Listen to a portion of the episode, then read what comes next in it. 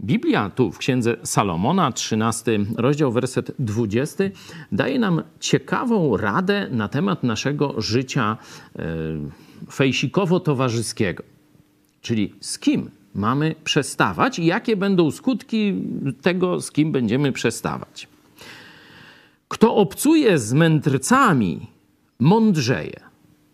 Czyli jeśli będziesz przebywał zarówno w świecie wirtualnym, jak i w świecie realnym, będziesz się otaczał, będziesz szukał towarzystwa ludzi mądrych, to to będzie Tobie służyło w ten sposób, że i Ty będziesz od nich tę mądrość przejmował.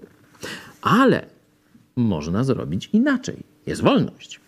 A więc kto obcuje z mędrcami, mądrzeje, lecz kto się brata z głupcami, i teraz tu byśmy oczekiwali, że to będzie głupi nie? czy będzie głupszy. No nie tylko.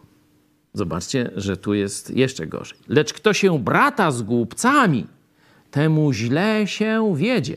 Czy nie tylko będziesz głupszy, ale jeszcze będzie ci się źle działo w życiu.